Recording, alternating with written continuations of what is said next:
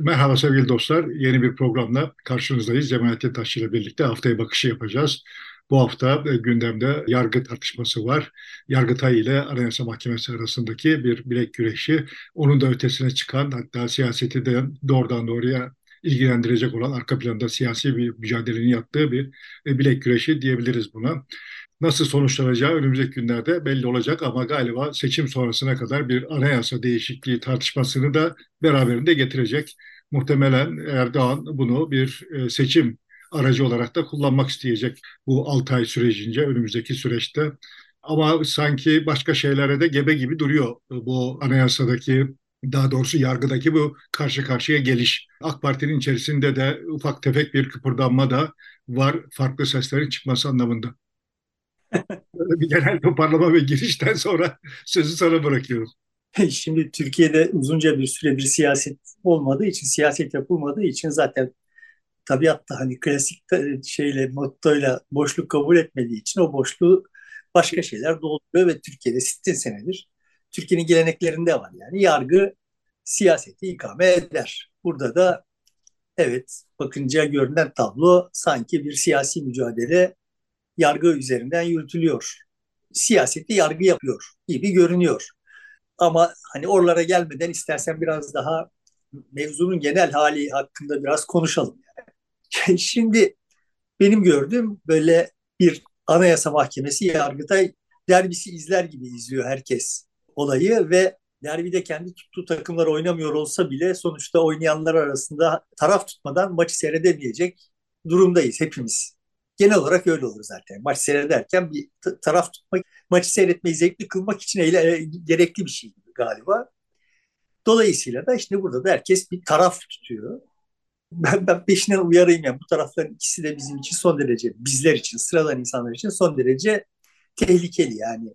Anayasa Mahkemesi defaatle şu son birkaç yıl içinde defaatle bizim özgürlüklerimizin kısıtlanmasına yönelik olaylarda aslında üstüne vazife olduğu halde olaya müdahil olmadı. Yani böyle şimdi burada birdenbire bizim haklı gördüğümüz işte Can Atalay'ın mağduriyetinde bizim haklı gördüğümüz tarafın lehine tavır aldı diye birden bir anayasa mahkemeci olmak bana tuhaf görünüyor. Her, hepimiz teyakkuzda olması gerekiyor. Hele ki yılbaşından sonra anayasa mahkemesinde bazı üyelerin üyelikleri sona erecek ve bu tartışma kapsamında e, alınmış derslerle oraya atanacak olan kişilerin sadakati daha nasıl diyeyim hassasiyetle ölçülüp de atama yapılacak diye tahmin edebiliriz. Dolayısıyla hani biz teyakkuzda olalım. Biz taraf tutmadan önce bir teyakkuzda olalım diye yani bir de bizim işimiz yani sadece bunun bir yargı mücadelesi olmadığı, arkasında çok e, farklı bir siyasi yapılanma olduğunu görerek e, işe bakmamız gerekiyor. Oraya sonra gelelim işte yani. Tamam. Sonuçta önce bir yargı. genel e, genel haller hakkında biraz gevezelik etmek istiyorum. Şöyle başlayayım. Şeriatın kestiği parmak acımaz diye bir motto var ve işte bunu hemen hemen herkes lazım geldi dile getirir. Bu ne manaya geliyor? Yani bununla ilgili olarak kamuoyunda, Türkiye kamuoyunda özellikle de hani gelenekçi, geleneksel değerlere daha bağlı kesimlerde bir tarama yapsan mutlaka denk gelmişsindir. İşte sultan cami yapmaya karar vermiş işte planlarını falan falan yapmış ama işte kadının yaşlı kadının birisi arsasını vermemiş. Ne olmuş? Yani işte sultan planları değiştirmek zorunda kalmış caminin ortasında şöyle bir şey falan. Ya da işte Fatih birisi bir gayrimüslimin kolunu kestirmiş. O da kadıya başvurmuş. Kadı da davayı görmüş ve Fatih de kısasa kısas olarak kolunun kesilmesine hükmetmiş. Gayrimüslim bunu görünce vay bu nasıl bir adalet anlayıştır demiş de Fatih'in kolunun kesilmesine rıza göstermemiş de sayede kurtarmış geyiklerini mutlaka ve buna benzer onlarca geyiği, menkıbeyi büyük bir şehvetle anlattıklarına insanların şahit olmuşsundur mutlaka yani. Burada neyi anlıyoruz? Yani bugün gelenekçi, şeriatçı addedilen yığınlar esasen evet şeriat peşindeler. Şeriatı önemsiyorlar en azından dillerinde var bu. Ve şeriattan ne anlıyorlar? Bir takım kuralların keyfi bir otoriteyi sınırlayacağı bir düzeni anlıyorlar. Yani sultanı bile sınırlayan kuralların var olduğu bir düzeni anlıyorlar yani. Yani bu tercih edilen bir şey. Orada böyle keyfine göre karar veren bir otorite olması yerine onu sınırlayan kuralların olması tercihe şayan bir şey. Bu Türkiye'ye has bir şey değil. Bizim gelenekçilere has bir şey değil. Ama yani gelenekçilerde de bunun var olduğunu buradan görüyoruz. İnsanlık bunu bilmem kaç bin yıl önce keşfetmiş ve kuralların hakim olduğu toplumlar diğerlerine kıyasla daha başarılı oldukları işte bu binlerce yıl boyunca kök salmış. Ama pratikte bunun pek defaatle delindiğini, Osmanlı de defaatle delindiğini bu hikayeleri, bu menkıbeleri anlatanlar da biliyorlar. Ama özlem olarak evet orada kurallar olsun ve bu kurallara uyulsun. En güçlü olan bile bu kurallara tabi olsun. Talebi var yani. Şimdi buradaki hadiseye gelecek olursak yine Türkiye'de sokağa çıkalım. Temelde e, mesele işte kuralların hakim olması. İki tarafta kuralların hakim olmasının lehinde olduğunu söylüyor. Ama bir taraf Can Atalay'ın aslında milletvekili olmayı hak etmediği, suçlu olduğu kanaatine sahip dolayısıyla kurallar başka türlüsünü söylüyor olsa bile, kurallar onun milletvekili olmasına cevaz veriyor olsa bile ve hemen onun engellenmesi gerektiği kanaatinde bir kesim. Bir kesimde Can Atalay'ın suçsuz olduğunu, milletvekilliğini hak ettiğini düşünüyor ve eğer kurallar onun milletvekilliğini engelliyorsa bypass edip ona milletvekilliğini lütfetmek gerektiğini söylüyor. Dolayısıyla şimdi ben hani burada Anayasa Mahkemesi'nin yanında saf tutanlara kendilerini kendilerini test etmek için şöyle basit bir deney, düşünce deneyi teklif edebilirim. Eğer Can Atalay sahiden de eğer yapıp ettikleri nedeniyle mevcut kurallara göre milletvekili olamayacak ise olmaması gerekiyor ise siz yine de Anayasa Mahkemesi'nin yanında mısınız? Yani? Eğer yanındaysanız öyle başkalarını suçlamadan ya bunlar aslında kural bazlı değil işte kural bazlı düşünmüyorlar falan demeden kendiniz de test etmiş olursunuz. Bu düşünce deneyini herkese bir teklif edeyim. Benim ben hukuktan anlamam. Hukuk temel olarak işte bir takım kurallar ve bu kurallar görünüyor ki şimdi şu hadisede çok bariz bir biçimde görünüyor ki bir yığın ince ayar ve bir yığın gri alan e, barındırıyor içinde ve tabii olarak olay zaten böyle oluyor. Yani kural koyduğunuz zaman bu kural bütün mümkün durumlarda yoruma kapalı bir şey halinde olmaz yani. İşte futbolda da bir takım kurallar var ve her maçta birçok pozisyonda ama işte burada işte dirseğini koydu ama falan gibi böyle bir yığın değerlendirme yapılması gerekiyor. Mesele şu burada yani şu sonucu hasıl etmek için yani bu takım ötekisinden daha iyi oynuyordu. Dolayısıyla şimdi aslında bu maçı kazanmayı hak etmişti.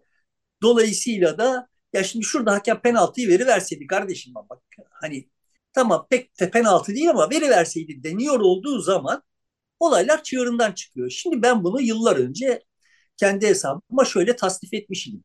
Modern dünyanın temel yani bu e, aydınlanma aklının temel şeylerinden bir tanesi, tezahürlerinden bir tanesi dünyayı yakınsak olarak anlamak. Yani dünya yapılacak bir şey. Aydınlanma aklının zaten iddiası bu yani. içinde yaşanacak cennet yapacağız yani dünyayı. Ve bu şu şöyle şu şartlar gerçekleşirse mümkün. Demek ki o şartları gerçekleştirmek için yani oraya yakınsamak için kuralları buna göre koymak. Halbuki bıraksak dünyada alemde yani ben kuralları koyarım bu kurallara göre oyun oynanır ve buradan bir şey çıkar. Ne çıkacağını öngöremeyiz. Sonuca göre bir şey yapmamız yanlıştır ve alem bıraksaktır. Yani evrimin kuralları vardır. Ve bu kurallar bıraksak bir şekilde durmadan yeni bir şeyler yapar. Bir sonuç e, murad etmez yani evrim. Alem de bir sonuç murad etmez. İnsan doğduğu andan itibaren bir hayat yaşar. Kurallara tabidir. Yani işte nefes almak zorundadır söz temsili. Tükettiği kadar enerjiyi almak zorundadır vesaire vesaire. Böyle e, fiziksel, sosyal, iktisadi sayısız kurala tabidir her insan. Ama aslında nereye varacağı önceden öngörülemez. Zaten de o nereye varacağına bağlı olarak bir şeyler yapılmaya başlandığında işte bugünkü ailelerin çocuklarını bir proje olarak görmelerinin sonucunda ortaya çıkan zırvalıklarla karşılaşırız. Yani halbuki çocuğun esas olan çocuğun kendi potansiyelini kendi akranlarının arasında test ederek zaman içinde bütün o imkanları içinde barındırarak gelişmesidir yani. Bu yakınsaklık ve ıraksaklık arasında yakınsaklığı bütün taraflar tarafından, bütün sosyal kesimler tarafından eşit derecede paylaşıldığını iddia ediyorum ve ben bu yüzden bütün kesimlerle teknik olarak düşünce beyan eden bütün kesimlerle bu yüzden itişiyorum. Onlarca yıldır yani. Yani adamın şeriatçı olması veya dinci olması veya kendince seküler olması, laikçi olması veya işte liberal olması falan falan beni çok da bağlamıyor. Bir kafanda bir sonuç olup da herkesi o sonuca göre nereye yerleştirirsen o sonucun elde edileceğini tayin edip de ona göre davranıyorsan, tutum alıyorsan benim açımdan aydınlanmacısın, modernsin ve bu tehlikelidir. Yani. Benim genel itirazım bu ve ben sıradan insanlarda yani söz sahibi olmayan insanlarda bu anlamda daha nasıl diyeyim az ihtiras görüyorum. İnsanlar ne kadar güçlenirlerse bu anlamdaki ihtirasları artıyor. Başkalarını tayin et, başkalarının yerine tayin etme ihtirasları artıyor yani. Güç böyle bir şey. insanı bozuyor. o yüzden kimsenin güçlü olmayacağı bir dünya hayal ediyorum kendimce. Ya da herkesin bunu, eşite yakın güçte olması. Şimdi bunu günümüzün e, hadisesine bağlayayım. Şimdi Yargıtay Anayasa Mahkemesi'ne bir res çekti. İşte buradan bir alıntı yapacağım. İşte çeşitli isimler sayıyor. Kara yılanlar, Cemil Bayıklar, Fethullah Gülenler falan. Ve bunlar gibi şüpheli ya da sanıkların milletvekili seçilmelerinin yemin ederek göreve başlamalarının ve TBMM'ye girmelerinin önü açılır ki bu durumun hukuken isabetli olduğunu savunmanın izahı kabil olduğunu söylemek mümkün değildir. Yani şimdi olumsuzun olumsuzun olumsuzuyla bitiriyor. Bu da kendisine ne kadar az güvendiğini ifade ediyor ve ne kadar hukuktan uzak olduklarını ifade ediyor yani. Gerçekten trajik bir şey. Bir kere en başta dedik şüpheli ya da sanıkların. Senin için şüpheli olan, sanık olmayan birisinin milletvekili olmasının hukuken isabetli olmadığına e, olmadığını söylemek zaten hukuktan bir haber olmak demek. Tamam yani bu işte yakınsak bir dünya tasavvuru yani şu e, şey olmasın, milletvekili olmasın. Birçok kişi buraya takılmış ve başka yerlerden vurdu. Yani genel olarak şöyle şeyler. Tabii ki Murat Kara e, başka kabuller var yani işin arkasında. Tabii ki Murat Karayılan'ın milletvekili olmaması gerekir. Demek ki şimdi eğer milletvekili olma onun milletvekili olmasına da bir şey e, kapı açacaksa Can Atalay'ın durumu sırf onun milletvekili olmaması için bu Can Atalay'ın milletvekili engellemek gerekir türü bir laf bu ya. Adam Karayılan aday olmaması zaten gerekir ama bu ona e, kapı açmaz filan buralardan gidiyor kardeşim. Yani eğer hukuken Türkiye'nin hukuku Karayılan'ın Türkiye'de milletvekili veya Fethullah Gülen'in Türkiye'de milletvekili olmasını izin veriyor ise siz yani yakın saklı kırak saklı derken kastettiğim şey buydu. Siz hukuken Karayılan'ın veya Fethullah Gülen'in veya kimlerse sizin çok korktuğunuz kişileri milletvekili olmasını mevcut hukuk çerçevesinde olmasına mani olmak için bir şey yapmak falan gibi şeyler yapamazsınız. Zaten eğer Karayılan'ın Türkiye'de milletvekili olmasına mani olan sadece 14. maddenin Yargıtay yargıçları tarafından şöyle yorumlanması ise biz yanmışız zaten. Anlatabiliyor muyum? Tabii tabii. O durumdaki git yasama yeni bir kanun yapsın, yeni bir anayasa yapsın yani. E yani.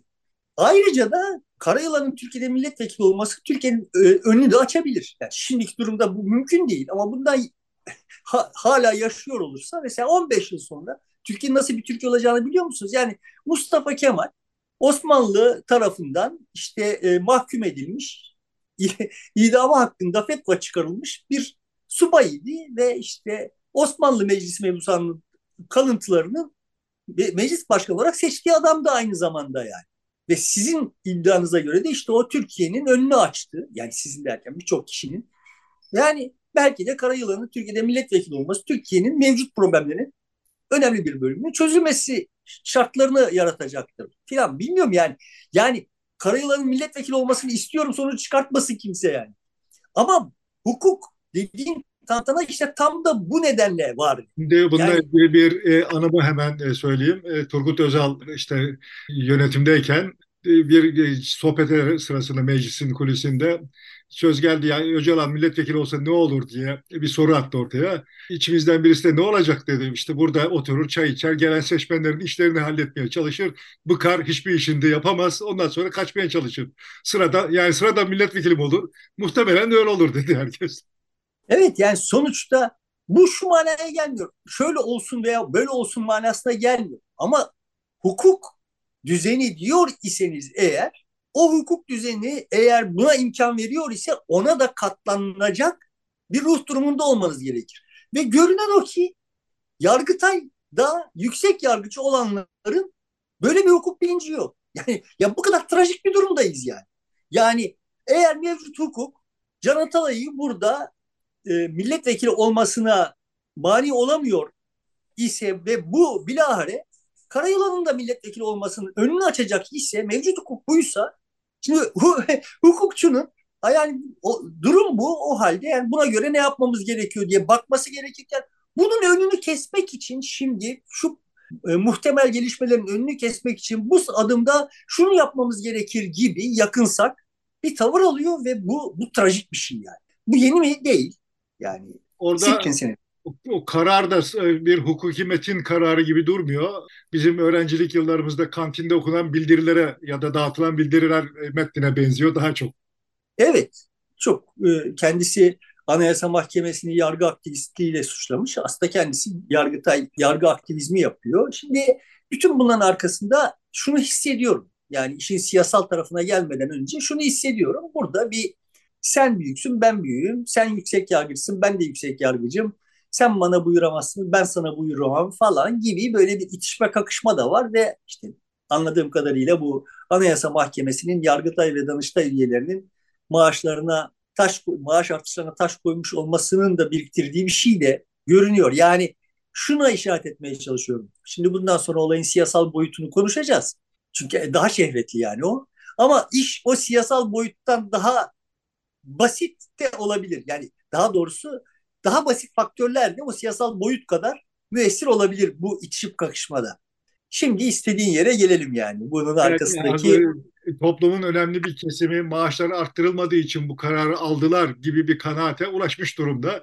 Bu bile yeter. Yani öyle olmasa bile böyle bir kanaatin pek çok insanda oluşması bile yargının içinde bulunduğu durum açısından, yargıtayın içinde bulunduğu durum açısından işler acısı bir hal gösteriyor. Biz şimdi seninle birkaç hafta önce yargının halleri hakkında bir program yaptık ve işte yani bu çok da şey oldu böyle gece geçen gemi gibi oldu. Yargı Türkiye'de hep tartışma konusu olan bir şeydi fakat bu kadar seviyesi düşük. Yani bu Yargıtay Anayasa Mahkemesi'nin yargının tartışılması, yargıyı tartışılı kılması vesaire gibi şeylerle de suçlamış. Yani sadece Anayasa Mahkemesi sadece Yargıtay değil. Bütün yargı genel haliyle zaten Türkiye Cumhuriyeti tarihine muhtemelen hiç olmadığı kadar halkın gözünde prestij kaybetmiş durumda. Yani yığınların gözünde prestij kaybetmiş durumda. Normal şartlarda ne beklersin bu tür durumlarda? Ya bir dakika biz hakikaten çok şey kaybettik, irtifa kaybettik. Şimdi bir kendimize çeki düzen verelim. Bizim meslek grubundaki insanlarla bir araya gelip buradan nasıl yani şimdi bunu herhangi bir şirket Apple veya Cola veya işte Coca-Cola veya bir şey yani böyle bir irtifa kaybetse bir takım bilenlere bilenleri çağırır, pozisyonu anlatır, kendi aralarında toplanırlar, ciddi ciddi bir plan yaparlar falan. Yani bir kriz yönetimi başlar. Ama mesela futbol Türkiye'de irtifa kaybediyor. Türkiye Futbol Federasyonu'ndan böyle bir irade zuhur etmiyor yani. Veya işte başka herhangi bir şey yani. Herhangi bir kurum Türkiye'de siyaset ya bir dakika kardeşim tamam da bak siyaset dediğin tantana siyasetçi dediğin Türkiye'de işte çaptan şu kadar düştü veya medya. Bak şu kadar çaptan düştü kimse bizi artık e, havaalanında sempatiyle bakmıyor nefretle bakıyor filan bizi gördüklerinde.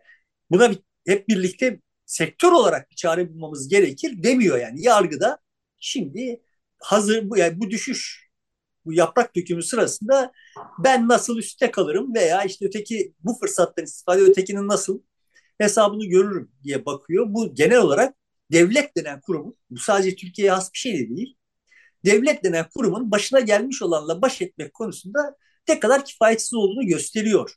Ama şimdi böyle bir takım ekstra güçlerine yaslanarak ama devletler eskisinden çok daha güçlü filan geyikleri anlatılıyor ama pratikte olan şey yani bütün bütün dünyada bütün devletler itibar kayıplarını telafi etmek için yapılması gerekenleri düşünecek fırsatları bile yok yani. Yargının durumu da bu. Normal şartlarda yargı bu haldeyken genel yargı yani. Mahkemeler hakkında kanaatler vesaireler falan, falan bu kadar dibe vurmuşken yüksek yargının ciddi ciddi bir araya gelip oturup ya bak kardeşim yani yarın insan içine çıkacak halimiz kalmayacak. Bizim bu işe bir çözüm üretmemiz lazım. Hani bunu bu konuda bilenlerden de destek almamız lazım. Yani bu halkla ilişkiler vesaire falan gibi uzmanlardan da destek almamız lazım. Filan diye bir şey yapması lazım. Sonuçta ama dediğin gibi adam bırak bir yerlerden destek almayı işte öğrenci kantinindeki bildiri kıvamında bir şeyi yazmayı da marifet addediyor. Zaten hukukla ilgisi olmadığını gördük. Halk ilişkiler çapı da bu yani.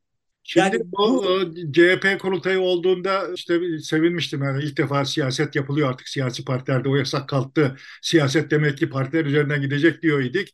Ama daha haftası dolmadan e, siyasetin işte yargı üzerinden şimdi yeniden şekillendirilmeye çalışıldığı bir dönemin ya da siyasi partiler geçmesin diye bir direncin gündeme çıktığı bir tabloyla karşı karşıya kaldık. Ben biraz da öyle görüyorum bu Yargıtay'daki itiraz sesini.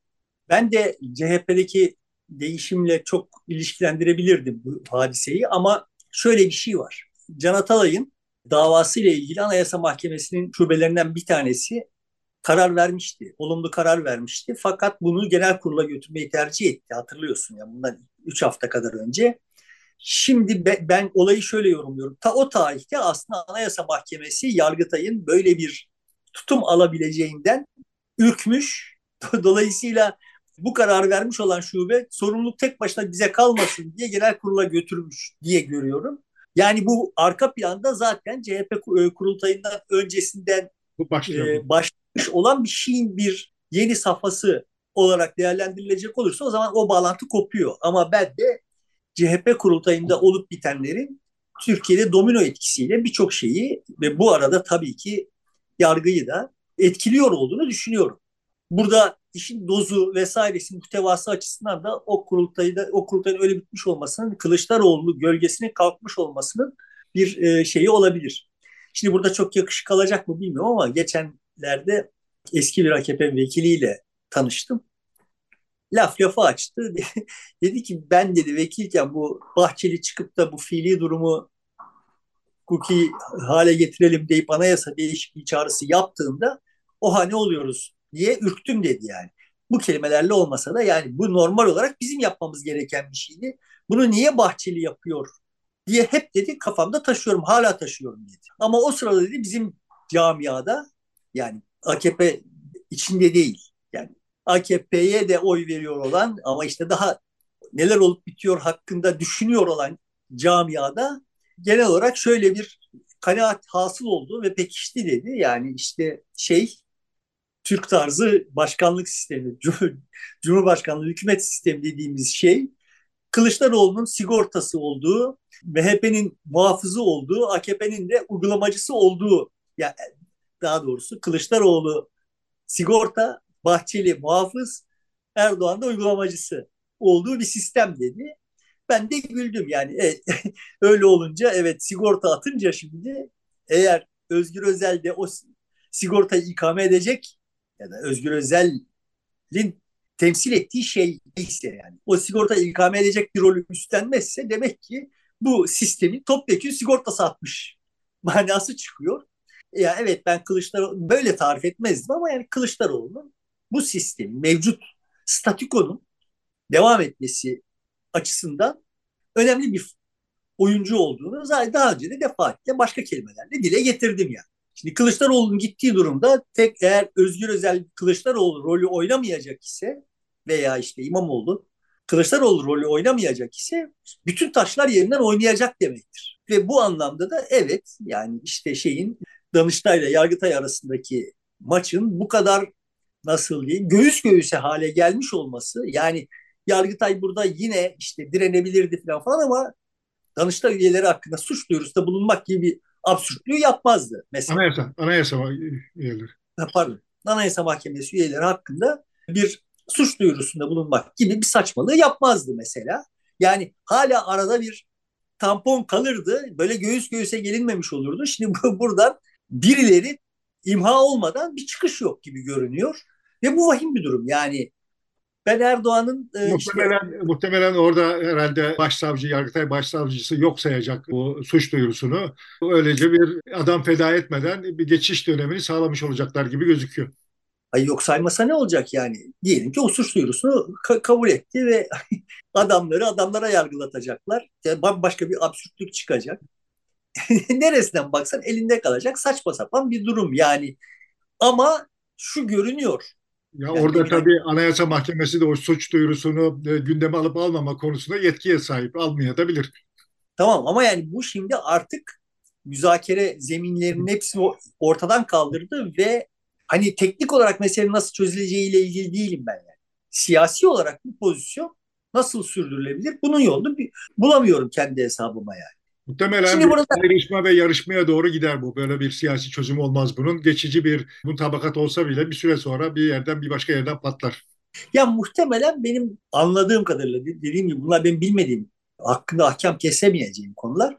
Ama anladığım kadarıyla Anayasa Mahkemesi'ne bireysel başvuruyu düzenleyen şartlar kanunla belirlenmiş. Dolayısıyla bir kanunla bu iptal edilebilir. Yok anayasa anayasa değişikliğiyle belirlendi. Kanuna değil. 2010 anayasa değişikliğiyle.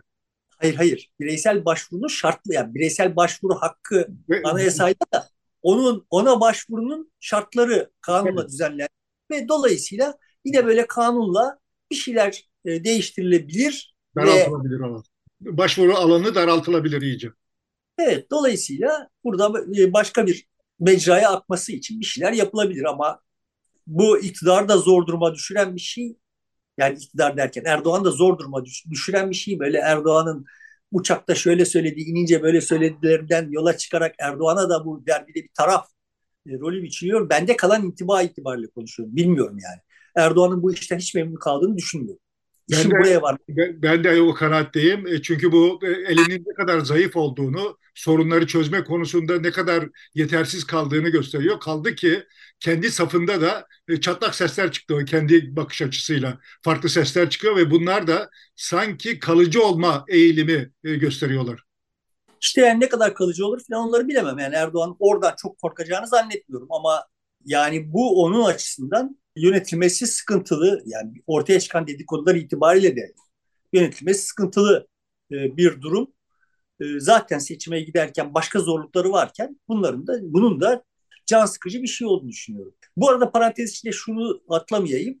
Yargıtay bu e, Anayasa Mahkemesi'ne meydan okuduğu son açıklamasında kamuoyuna de iş durumlara geldi yani. Taraflar bize maç sonunda Fenerbahçeli Galatasaraylı yöneticilerin kamuoyuna açıklama yapması gibi açıklama yapıyorlar falan. Yani iyice rezillik. Futbolda olduğu zaman da rezillik bu. Yani sahaya çıkmışsın, oynamışsın, sonuç ortaya çıkmış. Her ne olmuşsa olmuş yani. Şimdi yönetimlerin bunların üzerinden böyle açıklamalar yapmaları futbol açısından da rezillik. Evet daha ama Anayasa Mahkemesi biz programı çekinceye kadar hiç herhangi bir açıklamada bulunmadı. Tamam. Peki Yargıtay'ın ki. Evet. Ee, bir e, rezillik. Yani sen diyorsun ısrarla Anayasa Mahkemesi'nin tarafını tutuyor diyorsun. Ben yani ben de bir şey yapmadılar. Ben de merak ediyorum ne yapacaklarını o yüzden altını çiziyorum ya. Anayasa Mahkemesi daha çok korkuyor anladığım kadarıyla. Yargıtay daha e, şey daha pervasız. Pervasızlığın işte göstergelerinden bir tanesi o açıklamada efendim işte aslında bütün kanuni yollar tüketilmemişken Anayasa Mahkemesi'ne başvurulması da yakışıksız olduğunu filan ima eden yani iması şu yani. Can Atalay'la ilgili karar henüz kesinleşmemişken, hüküm kesinleşmemişken bireysel başvuru olduğu ya getirmeye çalışıyor. insanların zihnini bulandırmaya çalışıyor. Halbuki o karara ilişkin Anayasa Mahkemesi'ne bir bireysel başvuru yok benim bildiğim kadarıyla. Tabii, tabii yani, değil. Bireysel başvuru yani burada şey milletvekili seçildi, yargılamanın durdurulması gerekir diye bireysel başvuruda bulunuyor ve Anayasa Mahkemesi de bu konuda bir e, hüküm beyan ediyor yani. Yani üstüne düşeni yapıyor gibi görünüyor. E, yani Yargıtay'ın ee, bize düşündürtmeye çalıştığı gibi kararı üzerinde bir takdir etkisi kullanmıyor Anayasa Mahkemesi. Yani kararı tartışmıyor. O tam tersi evet. seçildi E, Yüksek Seçim Kurulu buna onay verdi. E, millet de seçti. Dolayısıyla yargılama durur ve serbest bırakılır. Bu kuralı uygulayın diyor. Burada hak ihlali var diyor Anayasa Mahkemesi. Ve yani Yargıtay işte böyle suyu bulandırarak buradan biçimsiz işler yapmaya çalışıyor. Dediğim gibi bu hani futbol yöneticileri yaptığı zaman bile çiğ. Ama yani ya siz Yargıtaysanız kardeşim ya bu kadar herkesi aptal yerine koyacak. Kimsiniz siz ya? Ama işler bu seviyeye geldi. Bu mevcut devletin ne halde olduğunun en vahim göstergelerinden birisi. Şimdi buradan şeye geleyim. Ben bu e, hadiseye şahit olduğumda tablo şöyle oldu. Üç kişiyiz. Birisi eski vekil. Yemeğe gidiyoruz. İşte üçüncüsü dedi ki ya bu Yargıtay'ın kararının gerekçelerini okudun mu dedi. Yok ben okumuyorum dedim. Ben anlamıyorum onları falan dedim. Ya sanki dedi hani böyle şunları şunları şöyle söylemişler falan bu son açıklamadan önce yani. Evet. Kararın gerekçesi olarak. O eski milletvekili olan avukat döndü baktı. Oha dedi lan bunlar dedi utanmasalar Anayasa Mahkemesi üyeleri hakkında dedi, suç duyurusunda bulunacaklarmış dedi. Yemeği yedik döndük çayımızı içiyoruz bir yerde tak diye şey düştü. suç duyurusu şeyi düştü hadiseye böyle vakıf oldum ben. Sonra ertesi gün işte ondan sonra gün o gece ertesi gün filan böyle muhtelif kesimlerin arasında olayı tartıştık ve şöyle bir hava sezdim. Yani bir tek Özgür Özel doğru pozisyon aldı, doğru reaksiyonu gösterdi. Eğer o olmasaydı işte bu böyle daha içimizi karartacak bir şeydi filan. Hani CHP'ye yakın olan olmayan birçok kişiden buna benzer reaksiyonlar aldım. Şunu hissettim ya yani gerçekten CHP'de nöbet değişikliği bir yaygın bir nasıl diyeyim iyimserliğe yol açmış ve işte Özgür Özel'in her yaptığında bir kıymet arıyorlar. Ve e, insanlar hazır. Burada Özgür Özel'in ve CHP'nin ne yaptığı önemli değil. Bir şeyler yapma gayreti içerisinde olması insanlar açısından çok daha e, dikkate değiyor bir şey. O önemli. O biraz şey yapıyor. Bu konuyu önemli hale getiriyor. Evet. Yoksa yani benim açımdan bakıldığında Özgür Özel'in yaptıkları çok da doğru görünmüyor yani. Olabilir. Yani burada aslında bu durumun ne kadar e, devletin çürümüş bu mevcut Erdoğan rejiminin ne kadar çürümüş, ne kadar problem çözmekten aciz olduğunu gösterecek şekilde. Yani e, Yargıtay'ın karşısında Anayasa Mahkemesi'nin yanındaymış gibi görünerek değil, topyekun bir sistem eleştirisi halinde sunulması, daha az laf, daha az retorik, daha çok eylem falan olması daha şık olurdu. Hani nasıl eylemler olurdu onları bilemiyorum ama yine de şey e, önemli yani Özgür Özel lehine atmosfer memleket açısından önemli bir gösterge.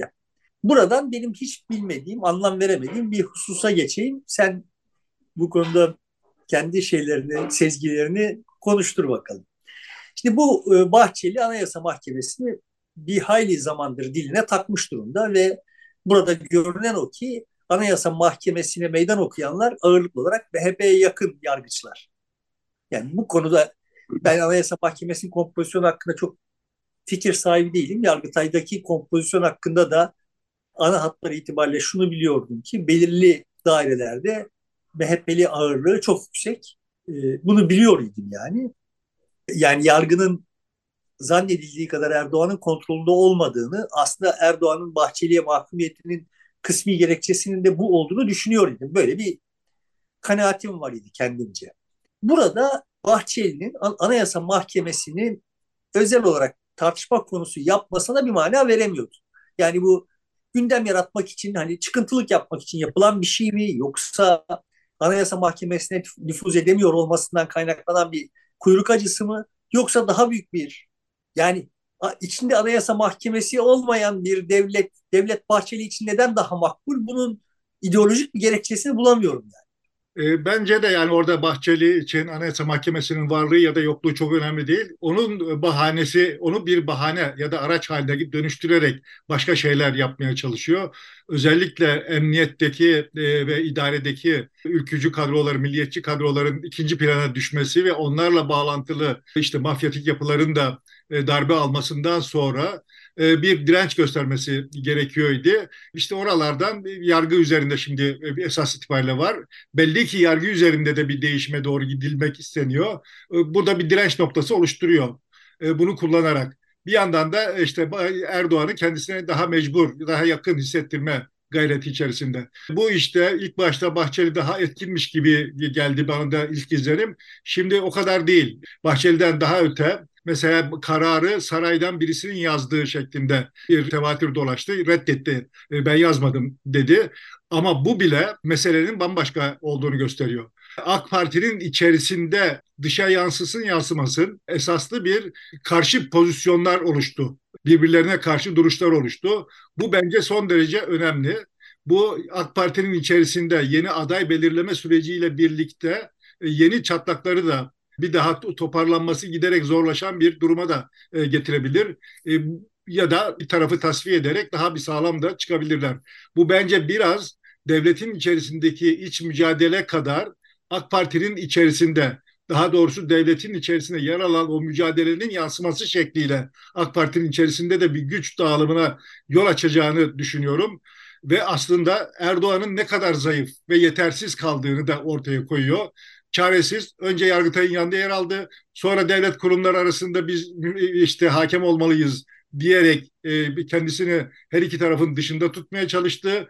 Ne yaptığı da çok net değil. Adalet Bakanı onun yerine devreye girdi Yargıtay üzerinden.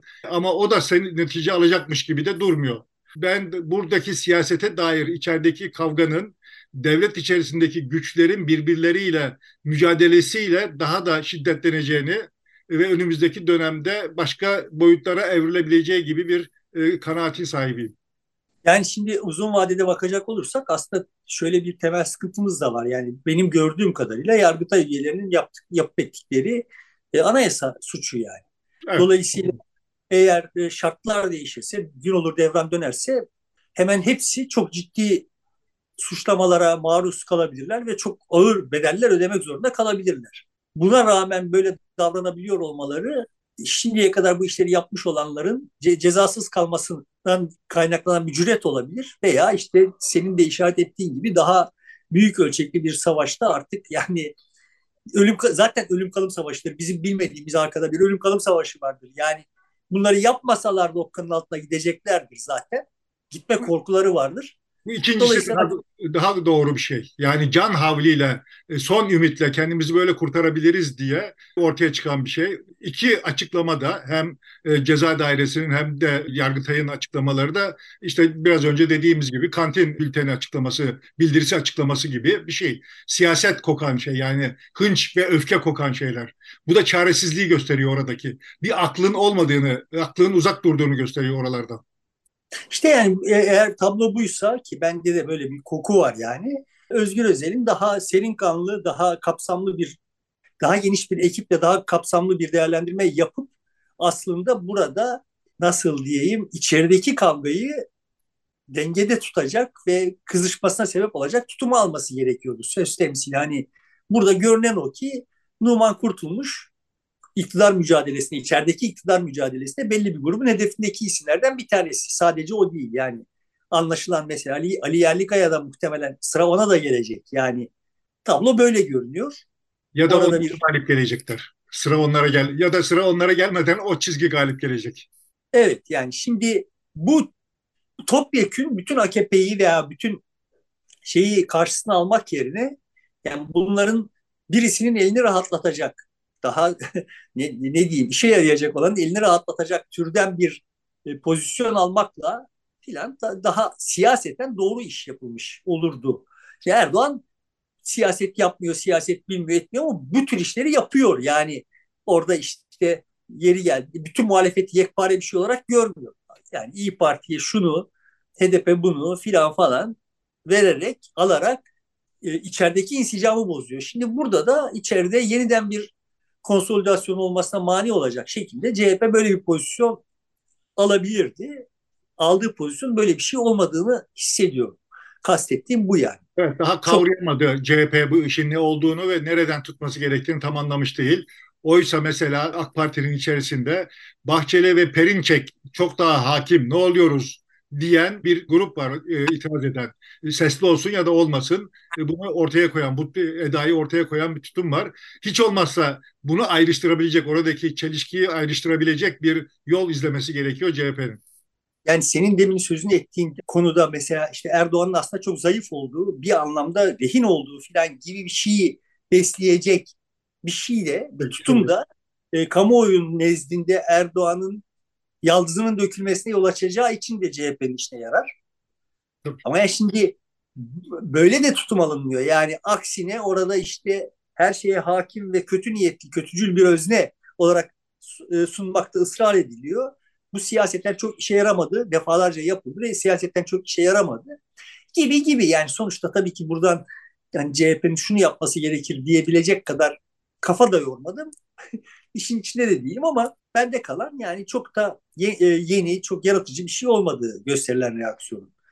Ama içerideki kavganın nasıl, nereye doğru evrileceği konusunda gerçekten bir tahminde bulunamıyorum. Çünkü dediğim gibi yani arada tampon kalmadı yani. Göğüs göğüse gelindi birisi ölecek gibi görünüyor.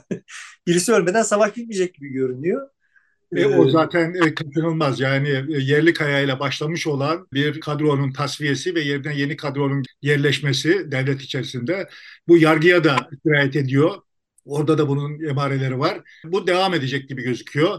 Şimdi e, Bahçeli ve Perinçek bunu durdurmaya çalışan bir pozisyon aldı. Erdoğan burada e, kesin olarak e, onların yanında yer almadı. Mış gibi yaptı ve tarafsız duruyor. Kim kazanacaksa sanki orada yer alacakmış e, gibi bir kendi içerisindeki mücadelede e, eda içerisinde duruyor. CHP'nin bir şey yapıyor olması aslında diğer tarafı daha da tedirgin etti. Ne yapıp ettiğinden daha önemlisi bunlar bir şey yapabilirler. Her an başka bir şey olabilir, kontrolümüzden çıkabilir duygusu orada var. Çünkü hukuken yapabilecekleri çok fazla bir şey de yok. Yasa değişebilir, yasanın değiştirmesi sorunu çözmez. Anayasayı değiştirmeleri lazım. O da sorunu çözmez ama hiç olmazsa bir taraf galip gelmiş olabilir. Anayasa değiştirmenin ne şartları var ne de iktidar bloğu öyle bir kabiliyete sahip, çoğunluğa sahip. O da olmayacağı için orada bir açmaz da var, bir çıkmaz da söz konusu. Muhtemeldir ki içerideki kaynama devam edecek ve tasfiye süreci devam edecek. Oradaki bilek güreşinden kim galip gelirse o biraz daha öne geçmiş olacak. Ya da bir yerde ya dur seçim var şimdi uzlaşalım fikri galip gelip erteleyecekler çelişkiyi çözmek konusunu. Yani e, Erdoğan buraya kadar hep bu tür durumları erteleye erteleye geldi. Evet. Bu sefer de ertelemeye çalışacaktır. Ama işte hani ertelenebilir bir durum mu? Teknik olarak yönetilebilir bir durum mu? Benim haddimi aşıyor yani bu konuda hüküm vermek. Evet, kolay teknik olarak çözülebilir. Ee, işte Yargıtay Başsavcısı bunu yok sayar. Durun biz de bir şey yapmıyoruz. Şimdi e, geçin e, derler. Olan e, şey olmuş olur. Can Atalay olmuş olur. O hapishanede kalmaya devam eder. Ya şimdi tabii olayın Can Atalay'a olmuş olması gerekiyor zaten Erdoğan açısından. Çünkü orada psikolojik faktörlerin çok önemli olduğunu düşünüyorum. Yani ben abartıyor olabilirim ama ben yani Erdoğan için Can Atalay'ın çıkması ve milletvekili olması bir kolunu kaybetmeye eşdeğerdir diye düşünüyorum bu geziyle ilgili takıntıları yüzünden. Burada Numan Kurtulmuş Ama... bir şey yapabilirdi. Önüne çok güçlü bir fırsat düştü. Ee, hiç olmazsa e, meclis e, başkanlık divanını toplayıp bir görüşme yapabilirdi. Bunlardan tamamen e, uzak durdu, çekindi. Erdoğan'ı bekledi. Onun ne tutum alacağını. Tam tersi Erdoğan da birilerinin ne yapacağını bekliyor, bekliyor idi. O olabilirdi. Yani Erdoğan'ın önünü açabilecek hamleyi yapabilirdi meclis başkanı olarak. Nedense yapmadı. Benim öğrendiğim kadarıyla grup başkan vekillerinin toplantısı, danışma şeyinin toplantısı falan falan bu tür konularda herhangi bir pozisyon almak için yani prosedür gereği yani iç hukuk gereği me- meclisin iç mevzuatı gereği böyle bir imkanı yokmuş zaten yokmuş yani. Orada biraz Özgür Özel nasıl diyeyim acemilik yapmış. Benim öğrendiğim bu. Yok yok öyle değil. Ee, ben mecliste çalıştığım için bir danışma kurulu şöyle bir karar alabiliyor. Ee, bunu birinci gündem haline getirip bu konuyu görüşelim deyip e, genel kurulda herhangi bir yerde görüşülmeden doğrudan birinci gündem haline getirebiliyor. Tavsiye ederek mecliste de e, oylamayla bu alınıp konuşulabiliyor. Bütün bu süreci e, ortadan kaldırıyor. Değilse gruplar kendi başlarına önerge veriyorlar. Biz bu konuyu görüşmek istiyoruz ya genel kurul kabul ederse ancak görüşebiliyorlar. Bu teknik olarak onun görüşmenin gündemin açabilirdi. Ama orada konu bu değil. E, başkanlık divanını toplayıp tartışabilir, konuşabilir, karar almayabilirdi. Bu bile başka bir şey ifade ediyordu e, meclis başkanı için. Bunu yapmadı. Evet ama ben yani zannen konuşuyorum. Ee, şu anda en tedirgin olan zaten Numan Kurtulmuş'tur yani. Büyük ihtimalle ilk düşürülmesi gereken şey olarak o görülüyor. Neden olduğunu bilmiyorum yani. o, o kadar ehemmiyet taşıyan bir çünkü e, Yargıtay Anayasa Mahkemesi kadar meclis başkanı da hedef aldı. Sen bu kararı niye okutmadın mecliste diye e, bizim aldığımız. Çünkü e, orada düşmesi sadece mahkemeden gelen kararın okunmasına bağlı. Meclis başka bir işlem yapmıyor. Genel kurulda okulduğu zaman milletvekilliği düşüyor. Şu anda milletvekili olarak geçiyor Can Atalay ve maaşını alıyor. Zaten komisyon üyesi de seçildi. Hapiste olduğu için katılamıyor oraya. Mesela o e, gelmesi milletvekili olarak devam etmesinden yana tutum izledi. Sessiz sedasız ama bunu e, en son noktada yüreklice gösteremedi. Ne yapması gerektiği konusundaki tavrını ilan edemedi. Kendisi mahkemenin hedef haline geldi. Çok rahat diyebilirdi. E, danışma kurulu toplantısının gündemini değiştirerek ey Yargıtay siz bize ders verecek durumda değilsiniz hukuk kurallarını biz belirliyoruz. Bizim belirlediğimiz kuralı siz uyacaksınız. Bize hak bildirmeye kalkışmayın, sınırlarınızı bilin şeklinde bir açıklama yapabilirdi sadece. Numan'dan da çok şey bekliyorsunuz ya. E çünkü meclis burada bir anlamı yok. Meclise sen diyor niye okumadın diyor. Yani meydan okuyor burada. Anayasa Mahkemesi devletin bir kurumu. Onu meydan okuyabilir, eşit görebilir kendisiyle ama e, meclisi görmemesi gerekiyor. Yani işte sonuçta okkanın altına gidecek ilk unsurlardan bir tanesi Numan görülüyor. Herhalde gece uyuyamıyordur ve ondan bundan fazlasını beklemek de çok iyimserlik olur.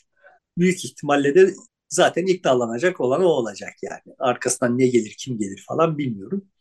Bu hikayede bu hikayenin nereye evrilebileceği konusunda akıl yürütmek de bana çok şu, Türkiye'nin şu günkü şartlarında çok görünmüyor. Yani feasible görünmüyor. Olabilir bir şeymiş gibi görünmüyor. Hani senin demin işaret ettiğin gibi sonuçta ortada bir de önümüzde bir seçim var ve bu seçimin şartları 15 gün öncesine kıyasla olağanüstü değişti. Yani momentum değişti yani. Yani Kılıçdaroğlu'nun gidişi artı işte ekonomideki durumda herhangi bir iyileşme emaresinin olmaması, dış ilişkilerde beklenen hiçbir şeyin olmaması vesaire gibi faktörler yani hiçbir yerde Türkiye'nin masanın önemli aktörlerinden birisine haline gelmemesi vesaire gibi birçok faktör momentumu değiştirdi. AKP çok zor bir seçime doğru gidiyor. Bunun ne kadar idrakinde olduklarını bilmiyorum ama çok zor bir seçime doğru gidiyor. Şimdi bu şartlar altında kimin kurban edilmesinin ne maliyeti olacağını filan hesaplamak da çok kolay değil. Ama içeride Erdoğan sonrası yönelik bir nasıl diyeyim hesaplar bütün olduğu zaten yeni bir şey değil. 2-3 yıldır iyice netleşmişti. Zaten vardı ama 2-3 yıldır iyice netleşmişti. Ee, enteresan bir yere doğru gidiyor Türkiye. Bilmiyorum yani. Bir öngörüde bulunmak çok yersiz görünüyor bana. Zaten dünyanın konjonktürü de çok absürt bir konjonktür. Bu konjonktürün içinde Türkiye'nin rotasını öngörmek çok imkansız görünüyor. Sonumuz hayır olsun diyelim. Evet. Başka söyleyecek bir şeyimiz varsa devam edelim. Değilse bitirelim burada. Yani bu derbi dediğim gibi hani taraflar arasında taraf, e, taraf tutmamız gereken bir derbi değil. Can Atalay evet bütün bu sürecin sonuç, sonucunda mağdur da olabilir. O, oyunun sonunda değil. Son mağdur olan Can Atalay ilk defa mağdur olmuyor. İlk defa Can Atalay mağdur olmuyor. Son mağdur olan da Can Atalay olmayacak. Ama ana hatları itibariyle hukuk düzeni içinde yaşamanın şeriat parmak kesebilir ama işte parmağı kesenin şeriat olduğu bir düzen parmağı kesenin Erdoğan olduğu veya işte herhangi bir yargıtay yargıcının olduğu bir düzene kıyasla son derece şey emniyetli bir düzendir. Böyle bir cennet olmayacak dünya bu cennetin gerçekleşmeyeceğini Erdoğan veya Erdoğan'ın yerine gelen bilmem kiminle böyle bir cennetin gerçekleşmeyeceğini böyle kabul edip kuralları olan bir oyunun içinde yaşarsak kendimizi gerçekleştirebileceğimizi olabildiği ölçüde her birimiz kabul edip o kuralların yanında pozisyon alırsak bir geleceğimiz olabilir. Benim gördüğüm Türkiye ile ilgili ümitsizliğimin arkasına yatan olan temel mesele Türkiye'de artık kuralları olan bir sisteme yani kuralları şu olduğu değil yani kural olan kurallı bir sisteme itimadın kalmamış olması yani herkesin kuralsızlıktan besleniyor ya da beslenmek istiyor olması hani o anlamda söyledim girerken yani ya da şimdi, herkes kendi kuralını kendisi koymak istiyor. Kendi kuralını herkes evet. kabul edilmesini istiyor.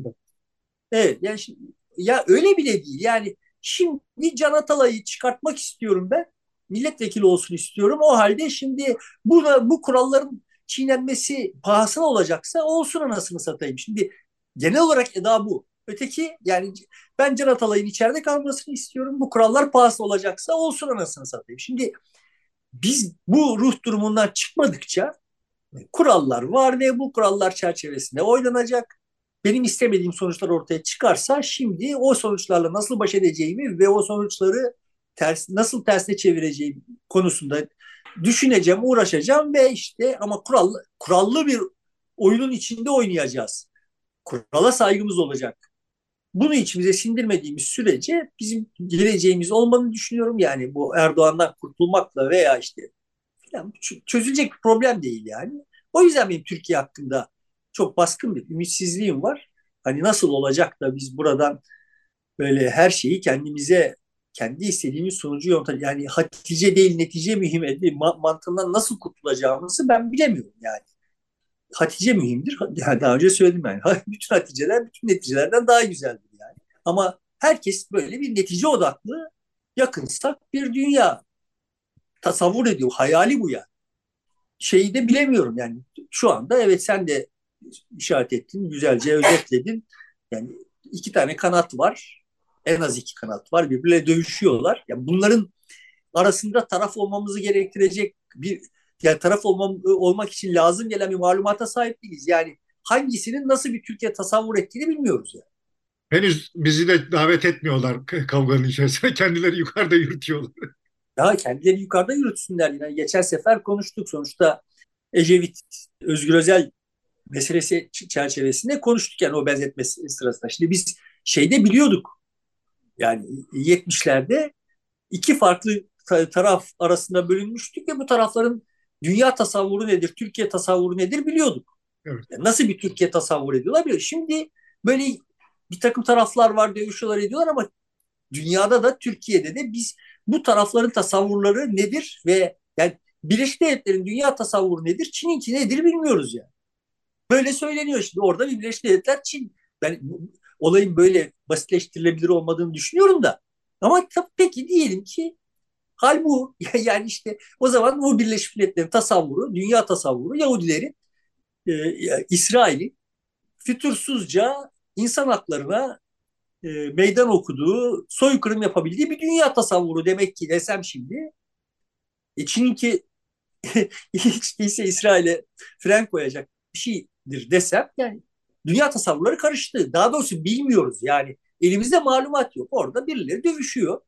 Ne yapmak için dövüşüyorlar? Demin dediğim gibi yani Bahçeli niye de, e, anayasasız bir devlet tasavvur ediyor? Yani derdi ne yani?